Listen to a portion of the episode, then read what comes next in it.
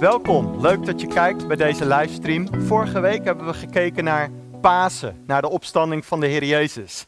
En we weten dat hij daarna, voordat hij naar de hemel voer, aan zijn discipelen heeft verteld van jongens, ik geef jullie een opdracht. Dat is de grote opdracht. En een persoon die dat ook kreeg was apostel Paulus. En apostel Paulus, geraakt door de liefde van Jezus, ging aan iedereen vertellen over de boodschap van de opstanding. En op een gegeven moment komt hij in een stad. En die stad heet Caesarea, vernoemd naar Caesar. En ook daar vertelt hij over Jezus. Maar op een gegeven moment wordt hij opgepakt, omdat hij zoveel opschudding en beroering brengt in die stad. En dan weten ze eigenlijk niet, wat moeten ze nou met deze Paulus? Moeten ze hem vrijlaten? Moet hij in een gevangenis? Verdient hij de doodstraf? En uiteindelijk zeggen ze, weet je wat? Laat de keizer in Rome het maar beslissen. Laat hij maar zeggen wat we met Paulus doen. Nou, hij was in Caesarea en Rome, Italië, ligt aan de andere kant. Dat was over zee het snelst een reis van ongeveer vijf à zes weken. En daar ga ik vandaag met jullie naar kijken. De zeereis van Paulus van Caesarea naar Rome. En uh, in het begin gaat het vrij goed, maar halverwege de reis moeten ze overstappen. Ze moeten overstappen op een groot vrachtschip. Een vrachtschip die van Egypte vol met graan ging naar Rome.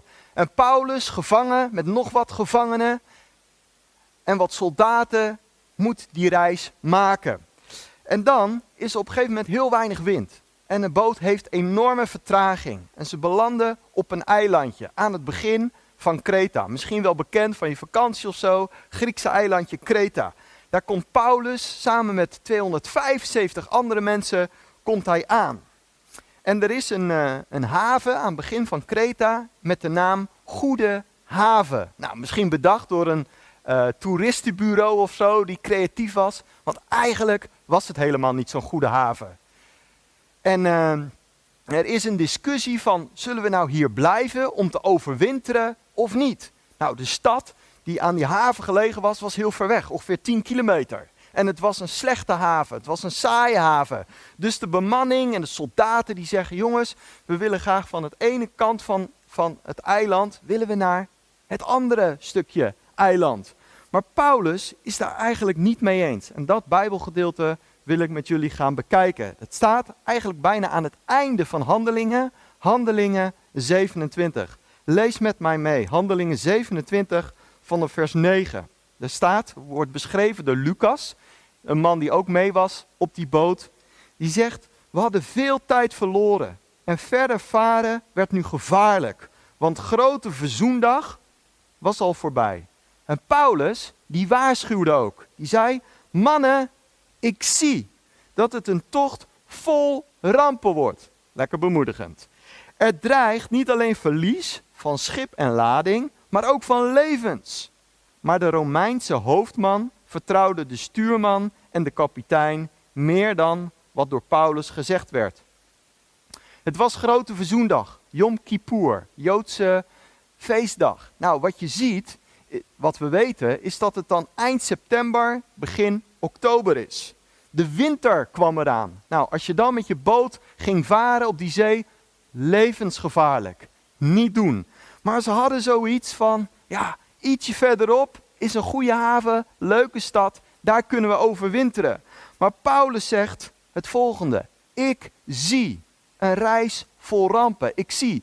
Sommige mensen zeggen van hij ziet dat met natuurlijke ogen, maar veel Bijbeluitleggers zeggen hij ziet dat met geestelijke ogen. Hij werd gewaarschuwd door God van joh, er dreigt gevaar, er dreigen rampen. Niet verder varen, niet doen. En Paulus waarschuwt dan ook. Het is niet slim, het is niet goed om verder te varen.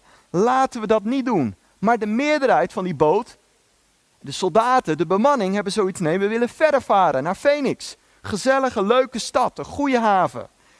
Er is ook een plek waar je kan uh, doorvaren via twee windstromen naar Rome. Laten we dat doen. En die Romeinse hoofdman, de baas, die moest kiezen. Wat zou die doen? Zou die A kiezen voor wat de kapitein en de stuurman zegt, wat de bemanning zegt, wat de meerderheid zegt? Of B, zou die luisteren naar de woorden van Paulus, woorden van God? Wat zou jij kiezen? kinderen, tieners, wat zou je kiezen? Het een of het ander? En die hoofdman die, denkt daarover na, wat ga ik kiezen? Wat Paulus zegt is niet onlogisch, want ja, in de, als de, we staan aan het begin van de winter en er kan aardig spoken. Maar je raadt het misschien al, hij kiest voor de meerderheid en heeft zoiets, we gaan verder varen. We gaan naar de andere kant van het eiland. Er komt ook een zacht briesje. En ze hebben zoiets, goed teken, we gaan verder varen. Nou, ze zijn, al, ze zijn aan het varen na verloop van tijd. En je raadt het al, gigantische storm steekt op. De beruchte, vreselijke, afschuwelijke Noordoosterstorm. Een storm waar je echt niet wou inkomen. Je wou die storm niet meemaken. En wat gebeurt er? De storm die speelt met het bootje. Het bootje begint te piepen, te kraken, te schudden. De golven die slaan op het bootje. De wind speelt een spel met het schip. Al die gasten zijn kots en kotsmisselijk, want dagenlang dobberen ze maar rond op die gigantische zee en ze weten niet hoe het verder af zal lopen. De een Bijbeltekst die zegt het volgende: De wind kreeg vrij vat op het schip, zodat het niet meer te houden was. Twee punten, twee punten wil ik uit dit gedeelte halen. Paul, Paulus kwam in een storm terecht die eigenlijk niet voor hem bedoeld was. God had hem gewaarschuwd, niet doen. Hij kwam in de storm terecht door de fouten, niet zozeer van hemzelf, maar van de ander.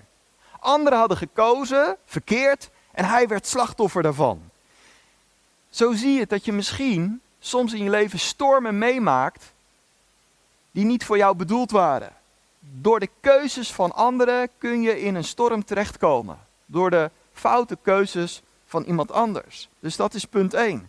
Soms kom je in een storm die niet voor je bedoeld was. Punt 2 is, je hoeft bepaalde stormen niet mee te maken als je luistert naar God. Als ze hadden geluisterd, als die hoofdman, de kapitein, de stuurman hadden geluisterd naar de instructies, naar de richtlijnen van God, hadden ze die storm niet hoeven mee te maken. Voorkom stormen door goed te luisteren naar wat God tot je zegt. Dan gaan we verder naar het verhaal.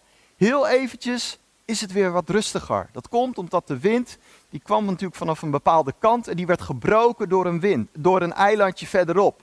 Heel even is het rustig. En wat gaan ze doen? Want dat schip heeft vreselijk te lijden gehad van de storm. En ze proberen er nog wat van te maken om grip, om controle terug te krijgen op, uh, op de reis. Nou, de mast hadden ze al ingeklapt. Wat deden ze? Ze hadden touwen, die deden ze onder het schip door om, de, om het schip weer vast te maken. Nou, dat laat wel zien hoe ernstig het is.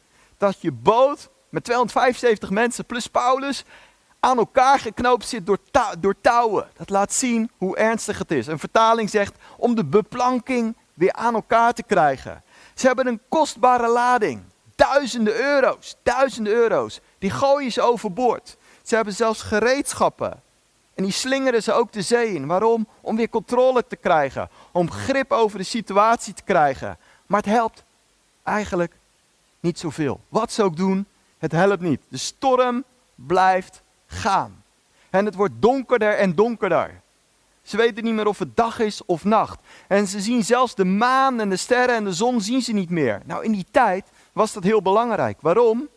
Ah, ze hadden geen Google Maps.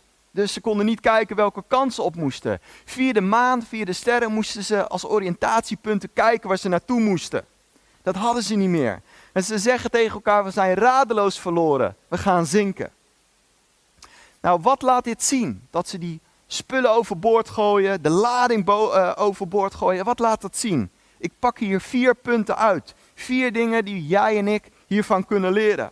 Wat doet een storm? Een storm laat zien wat echt belangrijk is en wat onbelangrijk is. Door een storm verschuiven prioriteiten. Dus dat is het eerste punt. Een storm openbaart wat is prio en wat is geen prio. Tweede, in een storm kun je heel veel leren. In een storm ga je dingen leren die je anders niet kunt leren. Dus misschien ben jij nu in een storm. Een financiële storm, gezondheid, een andere storm. En dan mag je vragen, wat leer ik hiervan? Hoe groei ik hiervan? En God, wat wilt u mij in deze storm leren? Wat mag ik leren in deze storm? Punt 3. Door een storm leidt je verlies. Die boot, die lading, ze hebben te maken met verlies. Nou, ik denk dat we allemaal in deze periode te maken hebben met een stuk verlies. Voor de kinderen, dat je niet meer naar voetbal kan, niet meer naar school, niet meer naar judo, dat bepaalde dingen niet meer doorgaan. Je hebt te maken met verlies. Ook voor de tieners, het chillen, het relaxen met je vrienden, het gamen, we hebben te maken met verlies. En ook voor de volwassenen, dat je minder naar familie kan, minder naar je vrienden. Een storm kan een stuk verlies brengen. Ook financieel, misschien opdrachten die anders lopen of minder. Een storm brengt een stuk verlies. Vierde punt, door een storm verlies je ook een stuk zekerheden en een stuk controle. Dat is wat er gebeurt. En eigenlijk waar ze altijd op vertrouwden, hun kennis, hun kunde, daar hebben ze opeens niks meer aan. Ze hebben iets anders nodig. Of beter gezegd, in deze storm hebben ze iemand anders nodig. Gaan we verder kijken. Dat is de volgende tekst, die wil ik voorlezen. Dat is uh, vers 21 en dan het tweede gedeelte. Dan zegt Paulus het volgende. Hij gaat staan, hij kijkt al die mannen aan op dat schip. De soldaten, de bemanning, iedereen kijkt naar hem. En dan zegt hij, mannen, u had naar mij moeten luisteren. Nou, dat lijkt me heerlijk toch, om te zeggen. Van zie je wel, ik heb gelijk, ik had jullie gewaarschuwd. Had nou maar even naar mij gekeken. Tja, het is je eigen schuld. Mannen, je had naar mij moeten luisteren. Zie je wel, lijkt me heerlijk om dat af en toe te zeggen. En dan zegt hij verder. Als u niet van Kreta was weggevaren, zou deze ellende ons bespaard zijn gebleven. Maar, maar, laat de moed niet zinken. Al zal het schip verloren gaan, niemand van ons zal hierbij het leven verliezen. Want vannacht heeft er een engel bij mij gestaan. Een engel van God. De God aan wie ik toebehoor. De God die ik dien.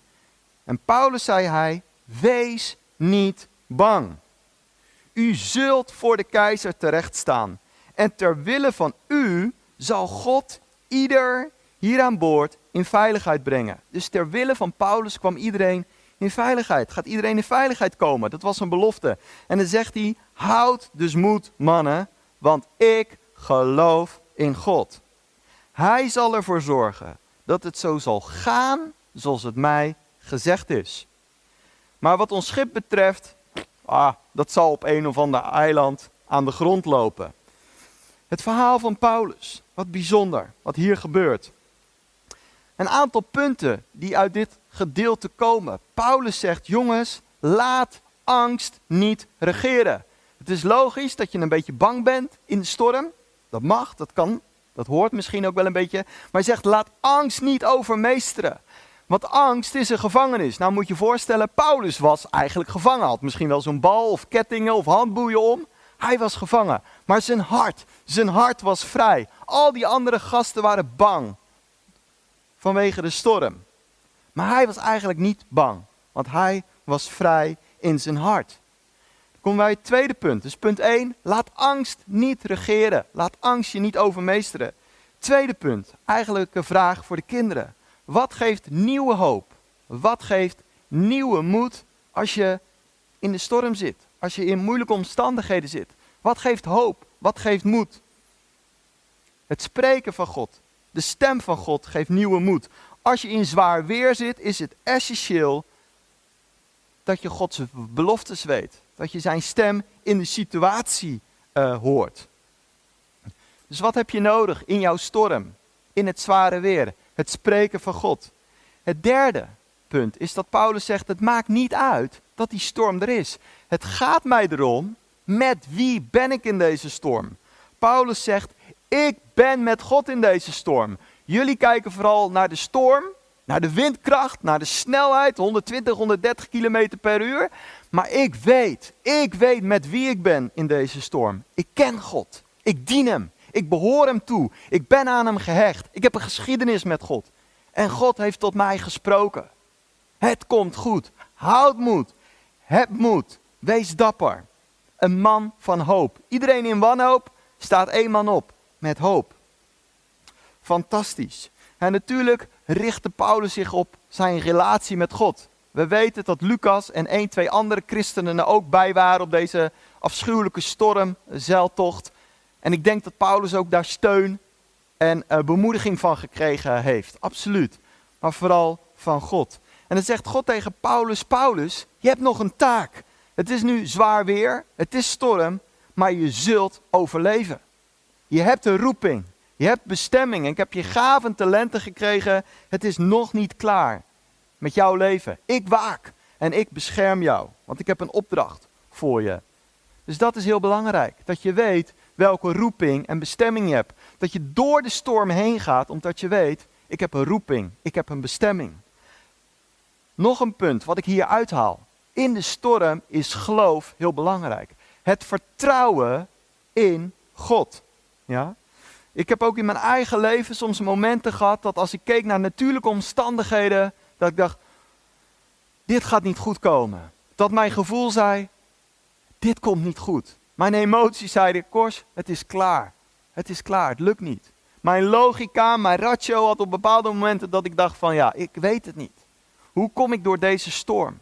Het gaat me niet lukken, ik kan niet meer. Maar dan is er iets, een extra zintuig als het ware. Dat is geloof. Dat is vertrouwen in God. Boven natuurlijke omstandigheden, boven je denken, boven je emotie. Geloof, geloofsvertrouwen in God. Zo belangrijk. 1 Johannes 5. Wat overwint? Wat overwint ons geloof? En ik wil je echt aanroepen, echt aanmoedigen. Blijf staan in geloof. Laat deze storm jouw geloof versterken.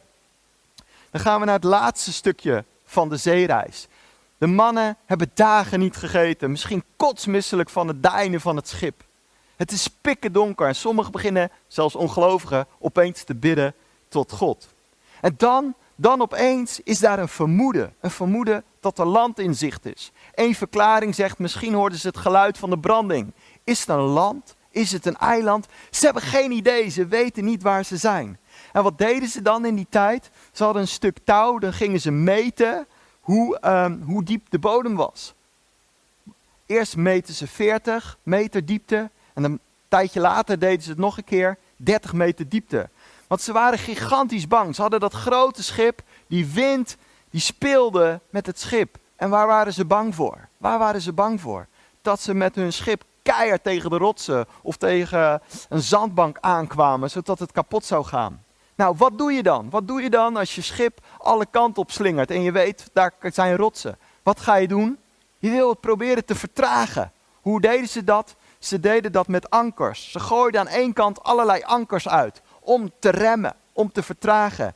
En toen zei de bemanning, die matrozen, die zeiden: Jongens, we gaan ook eventjes aan de andere kant ankers uitgooien.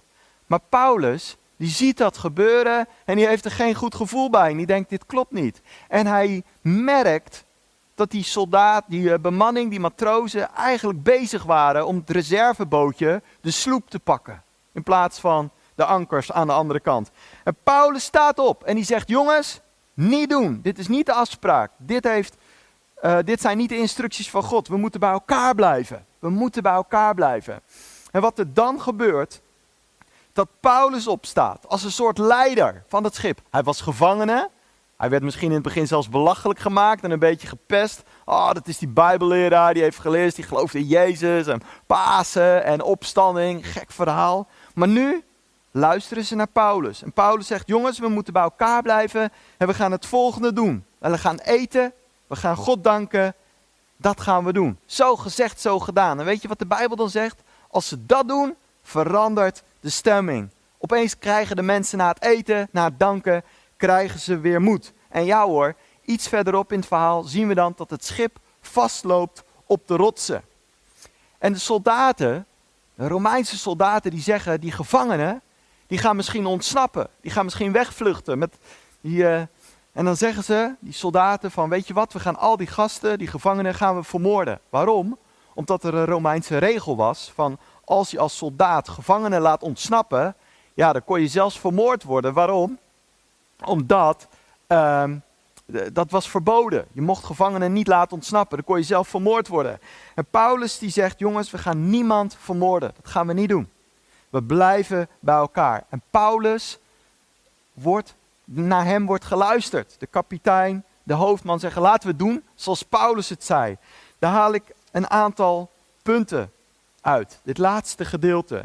Eén, in lastige tijd blijf goed voor jezelf zorgen. Wat Paulus zegt, jongens, ga eten. In deze storm blijf de goede dingen doen die nodig zijn. Twee, Paulus zegt, blijf bij elkaar. We moeten bij elkaar blijven in deze storm. Nou, zeker als Connect Kerk, hou verbinding. Bel elkaar op, app elkaar, weet je, belangrijk. In een storm, hou elkaar vast. Niet letterlijk, maar je snapt wat ik bedoel. Derde, een storm kneedt en vormt je karakter. Maar het openbaart ook je karakter. Het laat zien wie je bent. Ja? Ik hou zelf enorm van oorlogfilms en oorlogsverhalen. En wat zo leuk is, dat je soms in de trainingen denkt van nou die persoon, daar heb je niet zoveel aan. Maar later in het verhaal, in de oorlog, in het conflict, staat opeens iemand op waar je niet van verwacht had, die een held is. Een storm openbaart het ware gezicht, je karakter. Dat is gelijk mijn vierde punt. In de storm komt leiderschap naar boven. Echte leiders worden zichtbaar, niet bij kalm weer, maar in de storm. Vijfde puntje. Door het schudden van de storm um, worden, worden, worden uh, posities ook veranderd. Er is een shift van posities. Paulus die kwam aan het begin van de reis aan boord als gevangene. Hij verlaat het schip bijna als de baas van de boot. Ja? Dus een storm zorgt ervoor dat de kaarten anders op tafel komen te liggen. En dat bid ik ook voor jou, voor misschien als je een bedrijf hebt, organisatie, bediening.